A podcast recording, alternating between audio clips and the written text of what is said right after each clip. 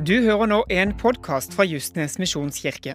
For å vite mer om oss, se justnesmisjonskirke.no, eller søk oss opp på sosiale medier.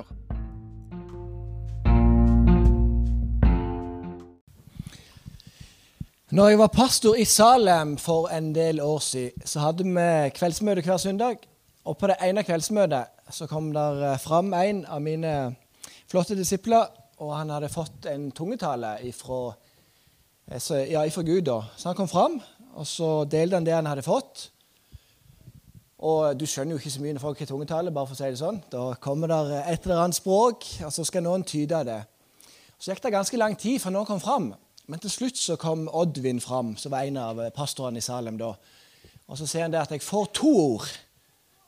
Og det ene ordet er skyld, og det andre ordet er skam. Det er to, to ordene som han delte i tungetallen der. Og Så ble det da tolkningen at Gud setter deg fri ifra dette. På mandagen så prata jeg med en av mine elever på bibelskolen da, som eh, kom fra Afrika. Så forteller hun meg at det språket som tungetalen kom på dagen før, det var hennes stammespråk i Afrika. Og de ordene som ble brukt, det var ordene for skyld og skam der hun kom ifra. På det stammespråket så var det. Så tydningen var jo 100% korrekt. Jeg kan si at Odvin Oddvin kan ikke det stammespråket. Bare spør han sjøl. Han er så Kristiansand som du kan få han. Ikke man kan utenlandsk heller, altså engelsk. sant? Altså det er, men, Han kan litt engelsk, altså.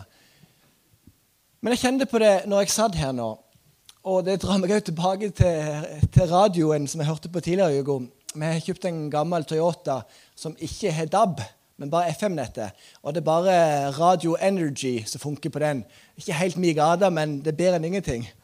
Så ti på sju her med en i morgen så var det på med radioen. Og da hadde de en voldsom prat om pornografi, de tre da som satt i studio. Og der de prata veldig lett om, altså litt lettere om den vi gjør i kristne kretser, kan vi bare si.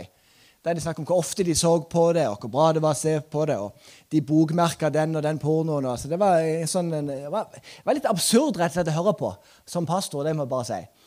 Men det som var interessant, som jeg bet meg merke i, det var det at den ene sa at alltid når han hadde sett, hadde sett på porno, og det var ikke en som var, som var bekjennende kristen, så følte han alltid på skyld.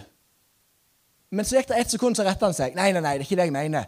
Men jeg bare merka at at at jeg bare må få det vekk. Jeg kan ikke se på det. Og det syns jeg var interessant. At en person som ikke bekjenner at han er kristen, kan kjenne på de følelsene. Og jeg tror, Nå vet ikke om dette handler om porno, hva det handler om, men jeg opplever i hvert fall at jeg skal dele det, at det er noen her inne som kjenner på at du sliter med skyld og skam i livet ditt akkurat nå. Og da har jeg lyst til å si det, at Jesus er her for å sette deg fri. Og at Jeg tror at han er her akkurat nå mens jeg knipser. Ikke så god knipser, men akkurat når jeg knipser, så tror jeg at Jesus setter deg fri fra de tingene. Du er ikke kalt til Gud til å kjenne på skyld og skam i det hele tatt. Det er ikke tanker, følelser, som kommer fra Gud. Aldri noen gang kommer det skyld og skamfølelser fra Han. Det skal vi vite. Så du som er inne og bærer på det, bare vite at Jesus setter deg fri. Trenger du en prat noen gang, så er jeg tilgjengelig for å prate med deg. Trenger du forbønn noen gang, så er jeg også tilgjengelig for det. Bare si det. Så Jeg ville starte med å dele akkurat det. Og så passer det inn i dagens tale òg, så det er ikke noe som bare er helt på sidelinja. For i dag så handler det om at Jesus gir deg en ny sjanse. At når du bommer på målet, når jeg bommer på målet, så vil alltid Jesus gi deg en ny sjanse. Men dere vet jo det, at ofte så blir vi, vi blir ikke lurt inn til å gjøre noe gale, men det er jo en, en ond som vi tror på fins, som vi kanskje kan lure dere litt inn, iallfall friste dere inn i noe. At ja, men gjør det. Og idet du har gjort det, galne som du ikke burde gjort, så hører du bare stemmen at dette må du for all del ikke si til noen. For det er ingen som må vite hvor forferdelig du er som menneske.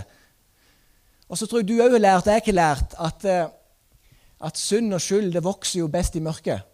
At når vi ikke deler med noen, så blir det bare verre og verre, og verre, og så føler vi oss elendige. Men så har jo Jesus sagt at vi skal bekjenne syndene for hverandre. Det betyr, betyr ikke at du trenger å komme fram her og fortelle alt det gale du har gjort. Ikke gjør det. Men det betyr at vi alle trenger en god venn som vi kan dele med at jeg bomma på målet, jeg gjorde det, jeg skulle ikke gjort det, og legge det framfor Jesus så kan du kjenne på den gode følelsen som er tilgivelse. At skyld og skam bare forsvinner fra hjertet ditt. For Jesus han vil alltid gi deg en ny sjanse. Og Er det noen her inne som ikke klar til å holde det du lover? Jeg tror det er mange her. Og jeg husker Hvert nyttår fortsatt så har jeg nyttårsforsetter. Bare det nye forsettet mitt i år var at jeg ikke skulle ha noen forsetter. for det blir så mange. Men tidligere da jeg var i ungdommen, så skulle jeg ofte slutte med det. For jeg var sånn raddiskristen, Jeg skulle være så hellig og ren som uh, vår Herre sjøl. Så skulle jeg slutte med det, og skulle jeg slutte med det. Og så var det, var det hvert nytt. Og, og noen ganger så klarte jeg ei uke uten å synde på det, eller to uker. Uh, noen ganger så gikk det mye mindre enn det. Men det var liksom hele veien det der greiene som jeg syntes var ganske krevende. Der du kjente på at du svikta Gud. Og har du noen gang svikta stort? Om det er Gud eller andre, samme det. Men jeg tror alle her inne kan kjenne på det, at vi har svikta noen. Og Nå skal jeg forklare dagens tekst, jeg skal lese etterpå, men jeg skal fortale, eh, forklare med en annen historie som jeg ofte pleier å gjøre, og ofte prøver å gjøre. Men se for deg at du er på tur med kona di eller kjæresten din. Se at du er i Roma, kanskje du er i Paris. Ja, for det er veldig sånn koselig. Kanskje du er i Nis, som noen pleier å reise til. Så er det koselig, og det er god stemning. Og plutselig så skjer det noe. Plutselig kommer det noen vakter. Så tar de kona di til fange eventuelt mannen. samme det, Men nå bruker vi kona på dette bildet, her, for jeg tror det kan forsterke det enda mer. Plutselig blir kona tatt til fange. Og Hvordan reagerer du da? Jo, du reagerer sånn som Peter, disippelen, gjorde. Han tok opp sverdet, men du er ikke en sverd. Men du har i hvert fall med deg en speiderkniv, eller kanskje du har en samekniv. ikke vet Jeg Du har med deg, jeg skjønner ikke hvorfor du har kniv, men du har kniv med deg på denne turen. her. Du har med deg kniven, så gjør du som Peter gjorde. Du bare hogger av øret på denne vakten som kommer, og tar kona di til fange. Så sier kona di at 'slapp av', vi skal ikke bruke sverd eller noen ting. Så kona de gjør som Jesus. Hun tar opp øret, så bare ligger den ned på bakken. Og så bare fester hun det på øret til den vakten, og så blir han bare helt helbredet der og da. Og du tenker jo Hvorfor har ikke du gjort dette før? Har, har du den gaven her? Ja, du har den gaven her. Og så sier hun at slapp av, dette kommer til å ordne seg. Og det, det som skjer videre, er jo at du, eh, du, du, er sint, du er opprørt. Du tenker at hva skjer med kona mi? Du, du, gjør det du kan for å slippe henne fri. Og du snakker med folk, og du bare gir gass at eh, hva er det som skjer nå for noe, for de har jo tatt hun ifra deg. Men så skjer det noe med deg. At det går opp for deg at du klarer ikke å redde kona di. Hun er fortapt. Hun er vekke. Og så vet du med deg sjøl at hvis noen andre finner ut hvem jeg er, da blir jeg òg tatt livet av. Så kanskje jeg skal la være å tenke på kona mi, men jeg skal, jeg skal late som om at jeg ikke kjenner henne. Så kommer det noen bort til deg og sier ja, var ikke du, er ikke du så gift med hun der? Nei, det er ikke meg. Nei, alle liv, jeg er ikke gift med henne der. Det er ingenting å være gift med. Ikke noe å samle på. Jeg kjører du på med, det, det, er ikke fint her. Og Du går videre og du kjenner at det begynner å stikke litt. og Så treffer du en ny person. Ei, var ikke du sammen med hun der? Nei, det var ikke meg, det. Ikke, ikke interessert i hun der. Jeg vet ikke hvem du snakker med engang. Så tredje gang kommer den personen bort til deg og sier at jeg er helt sikker på at du var gift med hun. Og da banner du til meg på Nå kan ikke jeg si et banneord, men dere kan noen banneord sjøl. Men du banner til meg på at hun der, det, hun der Bang, bang, bang, bip, bip, bip. Nei, det er ikke snakk om at jeg kjenner hun eller vil ha noe med hun å gjøre. Helt uaktuelt. Og det du sier de ordene, så har de tatt kona di med seg bak. Så når du ser til høyre, så ser du rett inn i øynene på kona di. For det sier historien som vi skal inn i i dag, at det skjedde.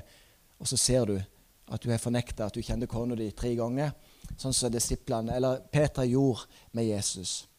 Poenget her er det er bare for å prøve å gjøre det litt, litt lettere for deg.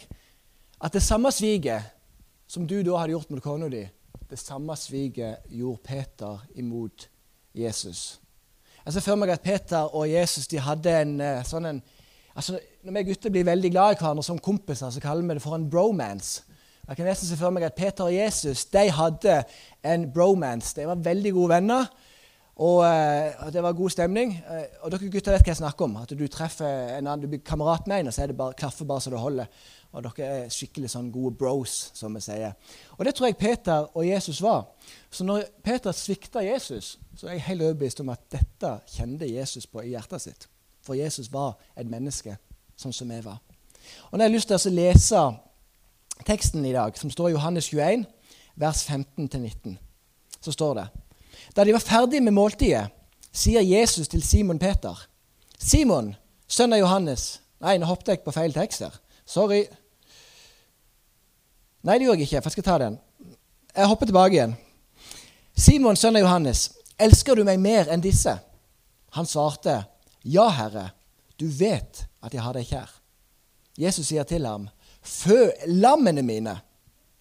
Igjen for en annen gang sier han, Simon, sønn av Johannes, elsker du meg? Ja, Herre, du vet at jeg har deg kjær, svarte Peter. Og Jesus sier, vær gjeter for sauene mine. Skal jeg forklare litt mer hva det betyr etterpå. Så sier han for tredje gang, Simon, sønn av Johannes, har du meg kjær? Peter ble bedrøvet over at Jesus for tredje gang spurte om han hadde ham kjær. Og han sa, Herre, du vet alt. Du vet at jeg har deg kjær. Jesus sier til ham, Fø sauene mine.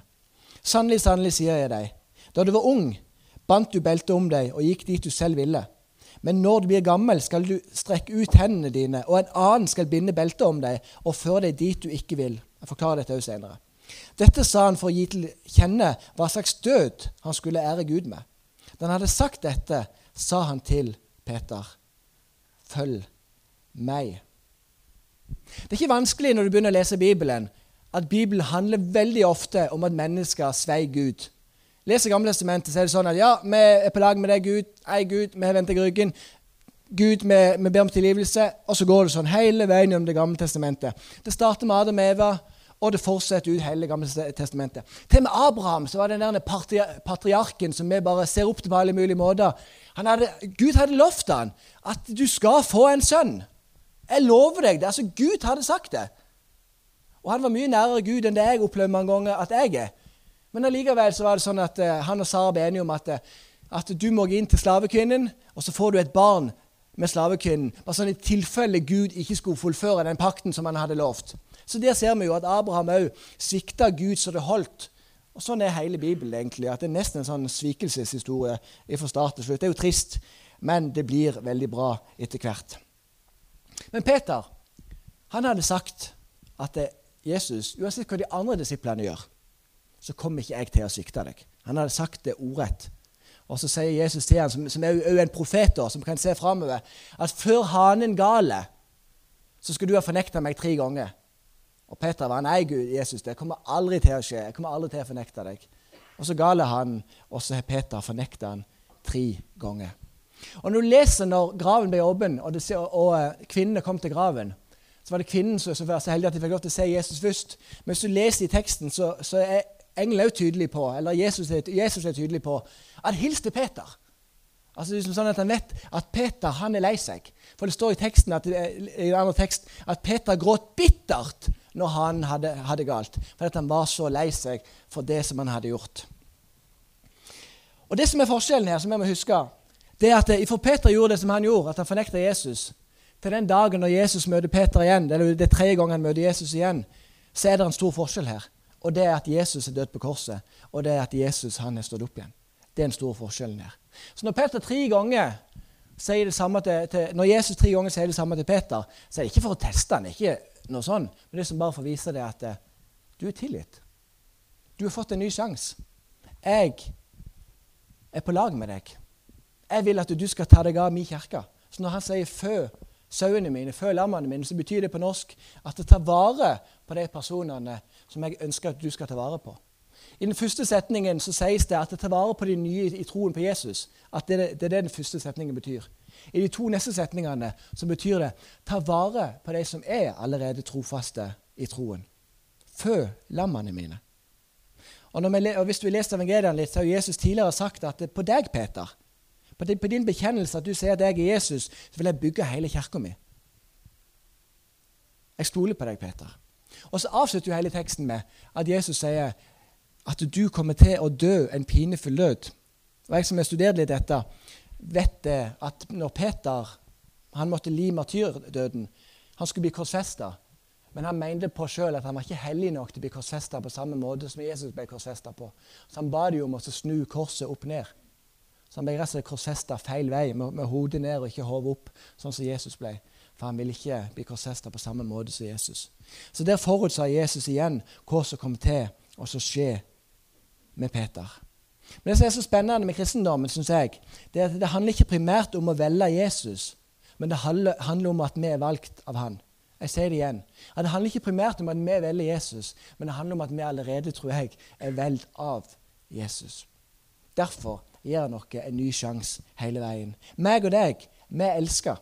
Og denne teksten peker tydelig på det. At Uansett hvor svik du gjør, uansett hvor du gjør gale, så kan du alltid komme til Jesus og si at 'Jesus, tilgi meg'. Men vi må ikke glemme du må mene òg at du har gjort noe gale. Det er ikke en tilgivelse når det er litt sånn som vi trener opp barna noe sånn at ja, 'Gå bort og si unnskyld'. og så sier du unnskyld, men de mener jo ikke én plass i, i Lillatå. Men vi er fornøyde. Og så tenker jeg noen ganger at det er jo hull i hodet, men vi gjør det likevel. Gå bort og si unnskyld. Si unnskyld til Jakob nå, Olivia. Jeg mener du ikke en plass. Så jeg tenker noen ganger det er jo egentlig bedre at du sier unnskyld i morgen og har tenkt over det som faktisk skjedde. Men vi gjør det iallfall på den måten uansett. Men, men meg og deg altså, vi må huske det, at vi elsker Jesus. Og når vi sier med et oppriktig hjerte at Jesus, jeg er lei meg for det jeg gjorde, så er det null problem for Jesus å se tilgi deg. Jeg husker Kristine, min kone, delte det med meg når vi var ganske nyforelska. Så, så delte hun en sterk historie der hun fortalte at når hun hadde vært noen år yngre, så var det noen ting hun hadde syntes hadde vært vanskelig. Og så hadde hun bedt til Gud om tilgivelse igjen og igjen og igjen og igjen om den samme greia. Noen som kjenner seg igjen i det. At vi kjenner på det. Jeg kjenner iallfall igjen i det. Og så var det bare så opplevde at, at Gud bare la på hjertet hennes. Det var ikke en høy, tydelig stemme. Men det var som om Gud bare la på hjertet hennes at Jeg vet ikke hva du snakker om. Du ber om tilgivelse for noe, men jeg har ikke peiling på hva du snakker om. For allerede første gang jeg tilga deg, så glemte jeg det. Da var det vekke. Da var det forsvunnet. Så om du nevner det igjen og igjen og igjen, så har jeg ikke peiling på hva du snakker om. For dette det er sletta, det er vekke, det er borte. Skylden er betalt. Så det hjelper ikke om du ber om tilgivelse 20 ganger til. Jeg hørte det første gang.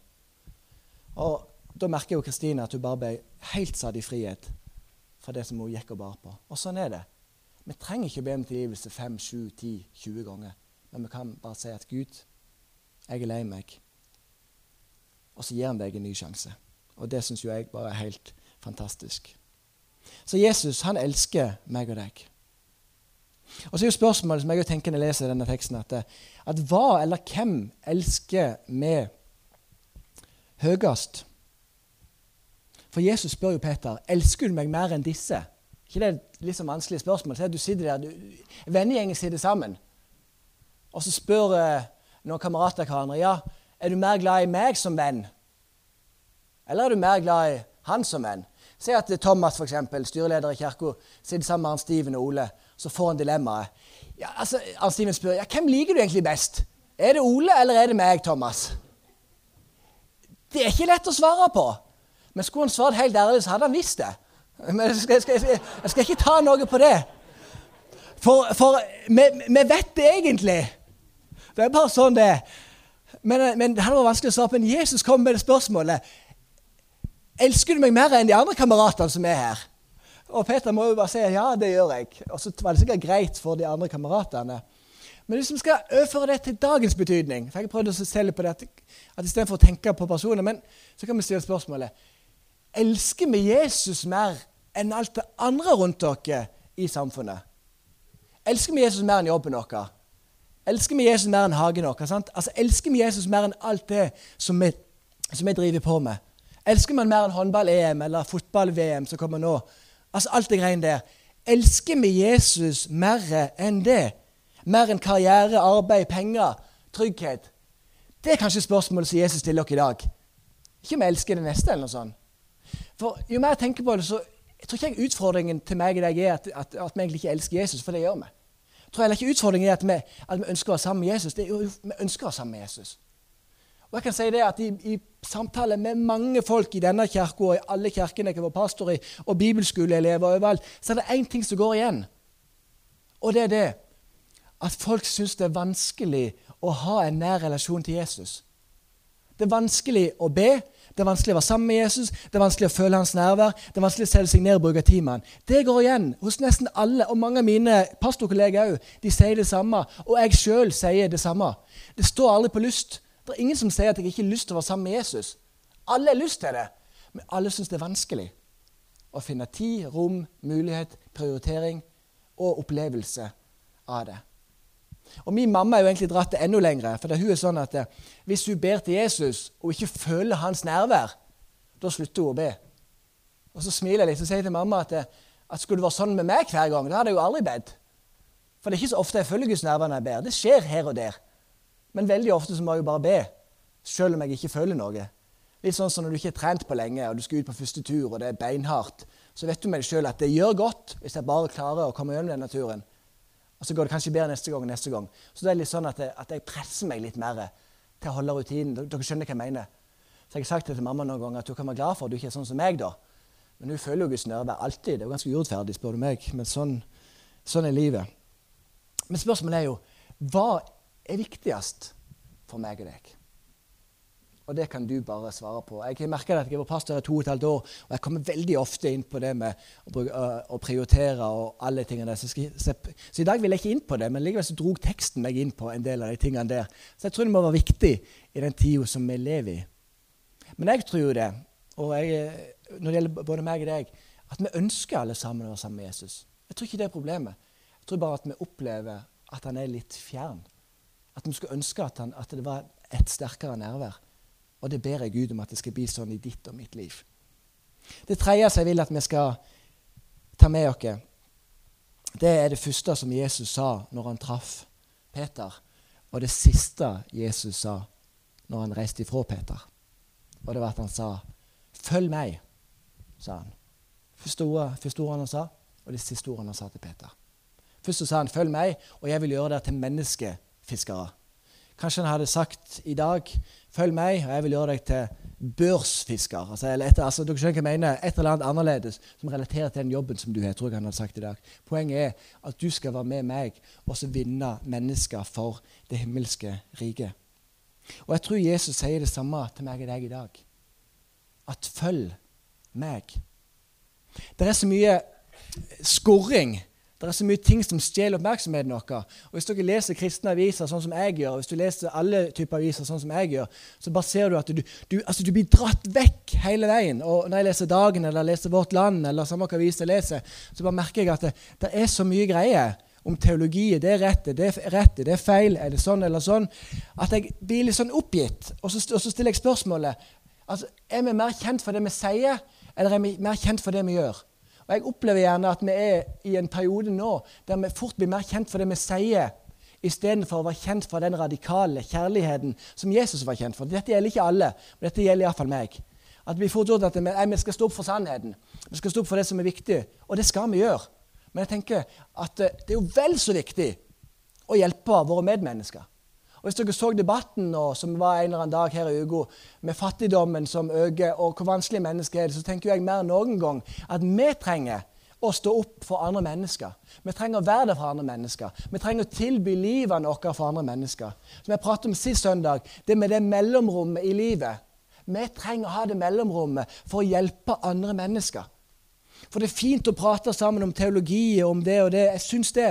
Men jeg kjenner noen ganger at istedenfor å sitte her og diskutere med det, med det styret, eller noe sånt, så burde vi heller være ute og hjelpe folk som trenger hjelp. Og jeg, og jeg er litt sånn redd for jeg bare tenker på det at Når folk vil prate om den tida som vi lever i nå, hva vil de si? Og Hvis du leser kirkehistorie år 450 til 1450 eller år 500 til 1500, du kan velge selv, så kalles det for middelalderen, eller the dark ages, som du vil. Den mørke perioden. Da har jeg nesten opplevd at ja, folk trodde på Jesus, men det skjedde ingenting. Og Jeg blir nesten redd for er det det som skal bli sagt om den vestlige verden i dag. At når vi ser tilbake på, så, så var vi en gjeng som bare prata. Istedenfor å være en gjeng som betyr en forskjell. Som ber for mennesker, som gir en blomst, som hjelper noen som trenger det. Som er barnevakt for noen som trenger det. Det er noen i menigheten som av og til gjør det for oss. Jeg, jeg skal ikke nevne navn, men er veldig takknemlig for at de gjør det. Altså, altså De tingene der, hva er vi kjent for? Altså, Jeg må bare stille spørsmålet. Hva vil det si å følge Jesus i 2022? Hva er sann etterfølgelse? Hva sier folk om oss kristne i dag? Jeg skal ikke svare på det, bare stille spørsmålet. Er vi kjent for det som vi sier, eller det vi gjør? Og er kristne noe vi er, eller er kristne noe som vi gjør? Nå skal ikke blande inn eh, verb og alt det greiene der, for jeg kommer til å rote med en gang. Men å gjøre er iallfall et verb. Og jeg er et helt jernteppe her. Å være Ja, ja, det er for så vidt det. Men jeg er enig. Men er vi Men er vi kjære Altså, skal vi bare være noe? Jeg er en Omdal. Hva vil det si? Eller er det mer sånn at jeg er en Omdal, og en Omdal han gjør sånn og sånn? Skjønner dere hva jeg mener? Jeg er en jærbu. Det er jeg ikke. Men hvis du er en jærbu, hva er du da kjent, ofte kjent for? Jo, du er kjent for å være en som er god på dugnad. Du stiller opp på dugnad, du er helt vill. sant? Det, er noe i DNA-et som er der. Og jeg tenker at som kristne i dag så er det noe i det DNA-et vårt med måten som vi følger Jesus på. Og jeg sier, altså, ikke, ikke stress nå, men gjør det som jeg ofte sier, at be Jesus om når du våkner om dagen. At Jesus, vær med meg i dag. Led meg i dag. Det er bare det jeg ber deg om. Det er ikke at vi skal gjøre mer for å være gode nok, men det er det å ha et hjerte for andre mennesker som er rundt dere. Det er det jeg prater om. At vi må be Jesus om å få det hjertet for mennesker rundt dere. Så Jeg begynte med det at Jesus gir dere en ny sjanse. Men så merker jeg når jeg jobber med prekenen, at det må jo dette ut i at vi får en ny sjanse. Men så må det dette ut i det med at Jesus sier 'følg meg'. Så ser det svært ulikt ut, ut i mitt liv og ditt liv. Og la den annerledesheten komme fram. Du er ikke meg, jeg er ikke deg. Vi har forskjellige gaver, vi er gode til forskjellige ting. Men der du er, så er jo du verdens beste bilde på Jesus. Og sammen, tenker jeg, så er vi verdens beste bilde på Jesus. Så kristen er ikke noe vi bare er. Men jeg tenker at det er noe som òg gjør imot andre mennesker som er rundt dere. Og jeg tror alle her inne kan være enige om at det gjør veldig godt med deg sjøl når du har hjulpet noen mennesker som trenger det. Jeg kan si at Senest nå i uka sender jeg melding til noen folk i menigheten om de kunne hjelpe meg litt med dugnad på huset. Der kom en god gjeng og var, og var med og hjalp meg. Og det er sånn som eh, Steven ødela til med fingeren der oppe. Han ga så gjerne at det var blod overalt. Men det er sånn som varmer mitt hjerte veldig. Så pass på at vi ikke at, at ikke bare blir de der profetiske helbredelsesgreiene, for det blir fort veldig sånn svevende. Det er med i det. Men alt det der nære, personlige, jordiske Sende en melding til en, gi en blomst til en, klippe plenen, ja, kanskje måke snøen om noen dager hos en eller annen person. Alt det der er like kristelig. sant? Så det er ikke noe forskjell her. Men det å følge Jesus er jo det å være en som betyr en forskjell for andre mennesker i hverdagen. Det hadde jeg lyst til å dele med dere i dag. At du er tilgitt, husk det. Alltid en ny sjanse hos han. Så du som kjente på de ordene jeg sa først traff deg, så bare ved det at du er tilgitt. Og Jesus har glemt det. Også det med å følge Jesus i hverdagen. Med å be den bønnen 'Jesus, her er jeg. Send meg.' Så kommer du til å merke at du kommer til å bety en forskjell for andre mennesker. Og Jeg merker i møte med folk så er folk mye mer åpne enn vi tror. Du kan stille det enkle spørsmålet bare sånn Tror du på noe? så er de der. De er ikke fjerne. Bare si det. Folk flest er der. At de har lyst til å prate. Du trenger ikke å presse på Jesus med en gang. Slapp av. Men du har en samtale i gang. For folk, folk er interessert. Mye mer enn vi tror at de er. Kjære Jesus, jeg takker deg for at du ga Peter en ny sjanse. Igjen og igjen og igjen og igjen. Og, og det var jo en disippel som spurte deg hvor mange ganger skal vi tilgi vår bror mer enn sju, så sa du ja, sju ganger 70. Og sikkert enda mer enn det òg. Men det er sånn du er, Gud. Du er en Gud som tilgir og gir oss en ny sjanse. Det handler ikke om at vi skal være gode nok, imponerende nok, men det handler om at du sier at kom til meg akkurat sånn som du er. Så vil jeg gjøre deg til menneskefisker. Så skal jeg lede deg der som du er. Så vil jeg til slutt bare be for de som kjenner på skyld og skam i livet. Jeg ber deg om at du her og nå bare setter dem i frihet ifra de tingene. Og Trenger de noen å prate med far, så la de våge å åpne seg opp for en venn eller for meg eller noen andre om det de kjenner på skyld og skam i livet. Så kan vi få lov til å be for dem og sette dem i frihet, far. For det er ingen fordømmelse på noen måte på de tingene der. Jesus. Da ber jeg om at de skal få lov til å kjenne på det. Så legger alle her inne i dine allmektige hender. Amen. Hvis det er noen der inne, dette er generelt, hvis du har lyst til at eh, jeg skal være med og, og be for deg, så er du hjertelig velkommen til å komme opp med den hunden eller løva eller tjukk... Nei, hva er det for noe som er der bak? Jeg var ikke så god på de greiene i dag. En eller annen greie som er der bak på den gule Opp til venstre der. Dere ser det. Kom opp der, så har jeg lyst til å være med og be for deg. Det kan være hva som helst i livet. Jeg har lyst til at vi lovsynger Jesus sammen litt. Så kan vi reise oss først, og så setter du deg når du vil.